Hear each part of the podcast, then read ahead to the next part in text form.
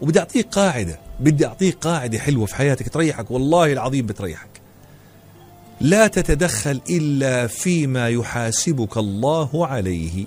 والله بترتاح والله بترتاح. لا تتدخل إلا في الشغل اللي الله بيحاسبك عليها. أنا بسأل حالي سؤال الله بيحاسبني على هاي؟ لا. إذا ما خلص فيها؟ خلص.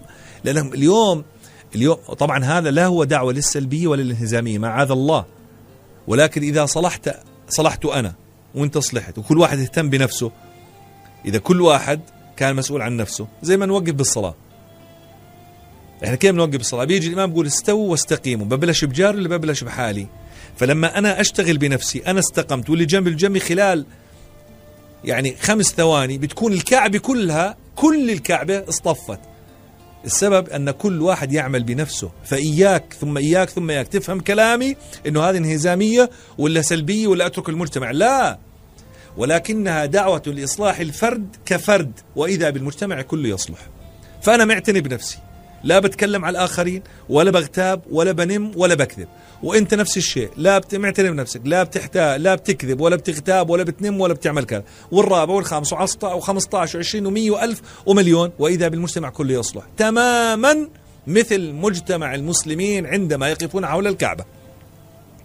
لما نوقف حوالين الكعبة بيقول الإمام استووا. فبيقولنا استووا. الله أكبر. ما بين كلمه لاحظ افتح التلفزيون أنت افتح على التلفزيون على صلاة الحرم وشوف كم هي الفترة الزمنية ما بين كلمة استووا والله أكبر وإذا بالكعبة كلها بملايينها صاروا كأنهم رسم هندسي. شو السبب؟ السبب كل واحد يشتغل بحاله. لكن لو كل واحد اشتغل باللي جنبه واللي جنبه واللي جنبه والله بيجي وقت الفجر لسه ما خلصنا صلاة المغرب. مش هيك؟ هذا بحكي عنه أنا. فأنا مالي بغيري أنا إلي بنفسي. كل شيء أنتقده على الآخرين ابحث عنه في نفسك فإذا وجدته في نفسك اتركه. إذا وجدته في نفسك اتركه. وإذا وجدته آآ آآ خصلة خير عند الآخرين جيبها لنفسك. ولذلك سيدنا الإمام الغزالي رضي الله عنه أبو حامد الغزالي اسمه محمد ابن محمد ابن محمد توفي سنة 555 للهجرة. وهو من كبار علماء المسلمين. عالم ومربي هذا قهر الفلاسفة اللي كانوا يقولوا فيش الله. وله كتاب اسمه إحياء علوم الدين. قال النفس كالمزرعة. ما رأيت من خير في غيرك فازرع وما رأيت من شر في نفسك فاقلع. أنا عندي مزرعة عندي حوض. الله رزقني هيك نص دنم أرض. رزقني الله عز وجل 100 متر أرض. الله رزقني بيت وفي حواليه حديقة. شو بسوي؟ العشبة الضارة بشيلها. وبزرع لي هون وردة وبزرع لي هون ريحان وبحط هون شجرة مشمش وبحط لي هون كذا بتلاقي هالحديقة هي كلها عبارها 10 متر مربع لكنها بتفتح النفس ونفسك نفس الشيء. لا تخلي الأعشاب تنمو فيها راجع نفسك أنت. عليك بخويصة نفسك ودع عنك أمر الناس سيبك من الآخرين. لا تنشغل بتقييم تقييم الآخرين لا تنشغل بتقييم الآخرين. اشتغل بتقييم نفسك. اشتغل انت بما تعتقد ان الله بيحاسبك عليه سبحانه وتعالى. خذها القاعدة وأنت علمت قاعدتين في الحياة. القاعدة الأولى القاعدة اللي ما فيها لا دنيا ولا دين اطلع منها. القاعدة اللي ما بتنفعك لا بالدنيا ولا بالدين اطلع منها. والله 90% من مجالسك راح تطلع منها. هي واحدة. والقاعدة الثانية تعلمتها اليوم والله. عليك بخويصة نفسك. فلو أن فلانا ابن علان كان عنده مناقب أهل الأرض ما نفعتك؟ ولو كان عنده مساوئ أهل الأرض ما ضرتك ولا ولا آذتك عند الله عز وجل. اشتغل بنفسك. اشتغل بنفسك. لكن سبحان الله العظيم في دعاء. ربنا اجعلنا من الذين يستمعون القول فيتبعون أحسنه. يتبعون أحسنه. في ناس هذا الكلام بسبب عنده تحسس. ليش؟ لأنه هو ما بيقدر يعيش الجو الإيجابي ما بيقدر يعيش الجو الإيجابي ما بيقدر يعني يتعايش مع أجواء إيجابية إحنا نتكلم إن شاء الله للناس اللي حاب إنه يغير نسأل الله تبارك وتعالى يعلمنا ما ينفعنا نقول اللهم آمين. الفكرة من كلامنا اليوم إنه الإنسان يا إخواني اشتغل بنفسك وبعيوب نفسك. وهذا لا يعني لا السلبيه ولا يعني انهزامية ولكن معناته إصلاح النفس سيؤدي إلى صلاح المجتمع. لكن الناس اللي بلشان بتقييم الآخرين والبحث عن أخطاء الآخرين والله ما راح ينفعك. والله لو كل الدنيا معاصي وذنوب لن تسأل عنها أمام الله عز وجل إلا على قدر طاقتك منها. شو يعني قدر طاقتك اللي بتقدر تغيره؟ اللي بتقدر تغيره. أنت مسؤول على قدر مسؤوليتك كل واحد أودع الله عز وجل فيه مسؤولية معينة اللي بتقدر عليه. ما عدا عن ذلك الله ما بيحاسبك عليه. فأنت اليوم مسؤول عن أشياء محددة. وهاي مسألة ندق على بعضنا كثير ونسأل. وخاصة يعني في في قضايا الدين. يعني قضايا الدين بعض الناس يبيح لنفسه ما لا يبيح للآخرين وإحنا ما فيش حد بيقدر لا يبيح ولا يحرم هذا عند الله عز وجل. ولكن بعض الناس بيظلهم على ورا بعضهم. أنا عجبتني ذيك اليوم كلمة لسيدنا الشيخ نوح. الله يرضى عليك يا محمد قطيش بلكي سمعتني إياها مرة ثانية. كان يحكي بنفس الموضوع لأنه هذا هذه ثقافة إنسانية. يعني عدا عن الدين والأخلاق والقيم هي هذا متطلب بشري متطلب بشري. يا أخي لا تشتغل في عيوب الآخرين يا أخي لا تدور ورا الناس. فللناس فكلك عيوب وللناس ألسن. من ستر مسلما من ستر مسلما ستره الله. وستره شو يعني؟ كان يصلي وستر عليه؟ لا كان على معصية. كان على معصية. من ستر مسلما ستره الله.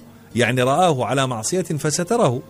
إحنا اليوم ماسكين الكاميرات ما بيصدق على الله وتصير شغلة آه، مشان يصورها ويبثها وتشيع الفاحشة في الذين آمنوا.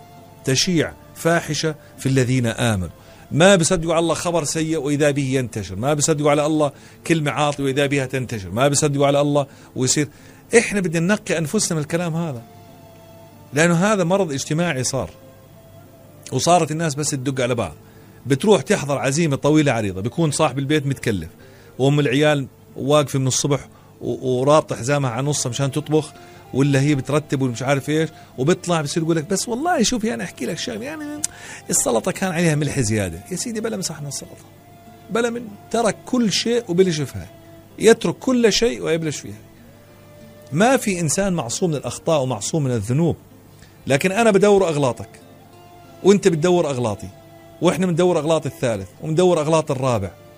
فمين منا ما عنده أغلاط؟ من منا ليس عنده أغلاط؟ وحتى هذا جوا البيت. مرات الزوج بتكون دور أغلاط على زوجها والزوج يدور أغلاط على شو أنا قاعد وين بقسم تحقيق أنا. كل واحد بدور أغلاطه أغلاط الثاني. كل واحد بدور أخطاء الآخرين. بطلت عيشة. بدك دائما تغمض عين وتفتح عين. أما الفاتح لعيونك ستة على ستة شو بدك هالشغله والله حتى أنت تفقد متعة الحياة. أنا بعتقد اعتقادا جازما متعة الحياة في قاعدتين.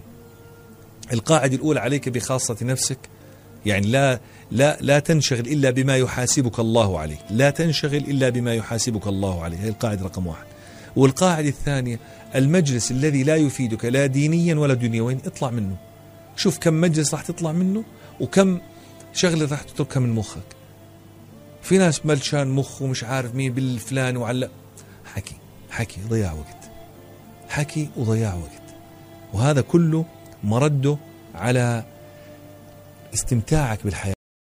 كان زمان في شيء اسمهم أهل الفتوة. أهل الفتوة. كيف شباب الدفاع المدني عندنا الآن؟ هذول شباب الدفاع المدني اليوم على الطلب. فكان في سابقا عند شبابنا شيء شباب يسمو يسمون أهل الفتوة. شو أهل الفتوة؟ مجموعة شباب بيركبوا على الخيل وبينطلقوا في طريق المسافرين في أقاصي أو أطراف البلد في المناطق المقطوعة بيروحوا بيطشوا. فإذا وجدوا إنسان محتاج بيساعدوه إذا وجدوا إنسان مقطوع بوصلوه إذا وصل وجدوا إنسان جوعان بعطوه إذا وجدوا إنسان وهكذا. يعني شايلين أكل وشراب وكذا وكذا وبيتجولوا. كانوا يسمون أهل الفتوة. إن شاء الله كلكم أهل فتوة. هون هاي كلمة أهل الفتوة. وكانوا يعني تطوعا فهذا آه، واحد من أهل الفتوة. سأل إنسان قال له كيف حالك؟ هذاك جاوبه بصدق. قال له والله علي 500 دينار والله ما ملاقي أسده من وين. قال له أبشر. فأعطاه 500 دينار وقال تبت إلى الله. ما عاد أسأل حدا كيف حالك؟ لأنه كان كلمة كيف حالك لها معنى لها دلالة لها صدق. فقال له تفضل هي 500 دينار واستغفر الله خلاص بطلنا ما عاد بقدرش اسد عن كل واحد. الفكرة كان الكلام له معنى. كان الكلام له معنى. اليوم إذا تأخر عن الصلاة بشهره فيه.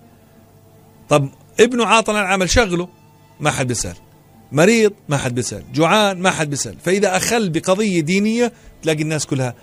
الفكرة أنه انشغل بخاصة نفسك. ودع عنك أمر العامة لو كل إنسان أصلح نفسه وأصلح من يستطيع إصلاحه من اللي حواليه والله تصلح المجتمع.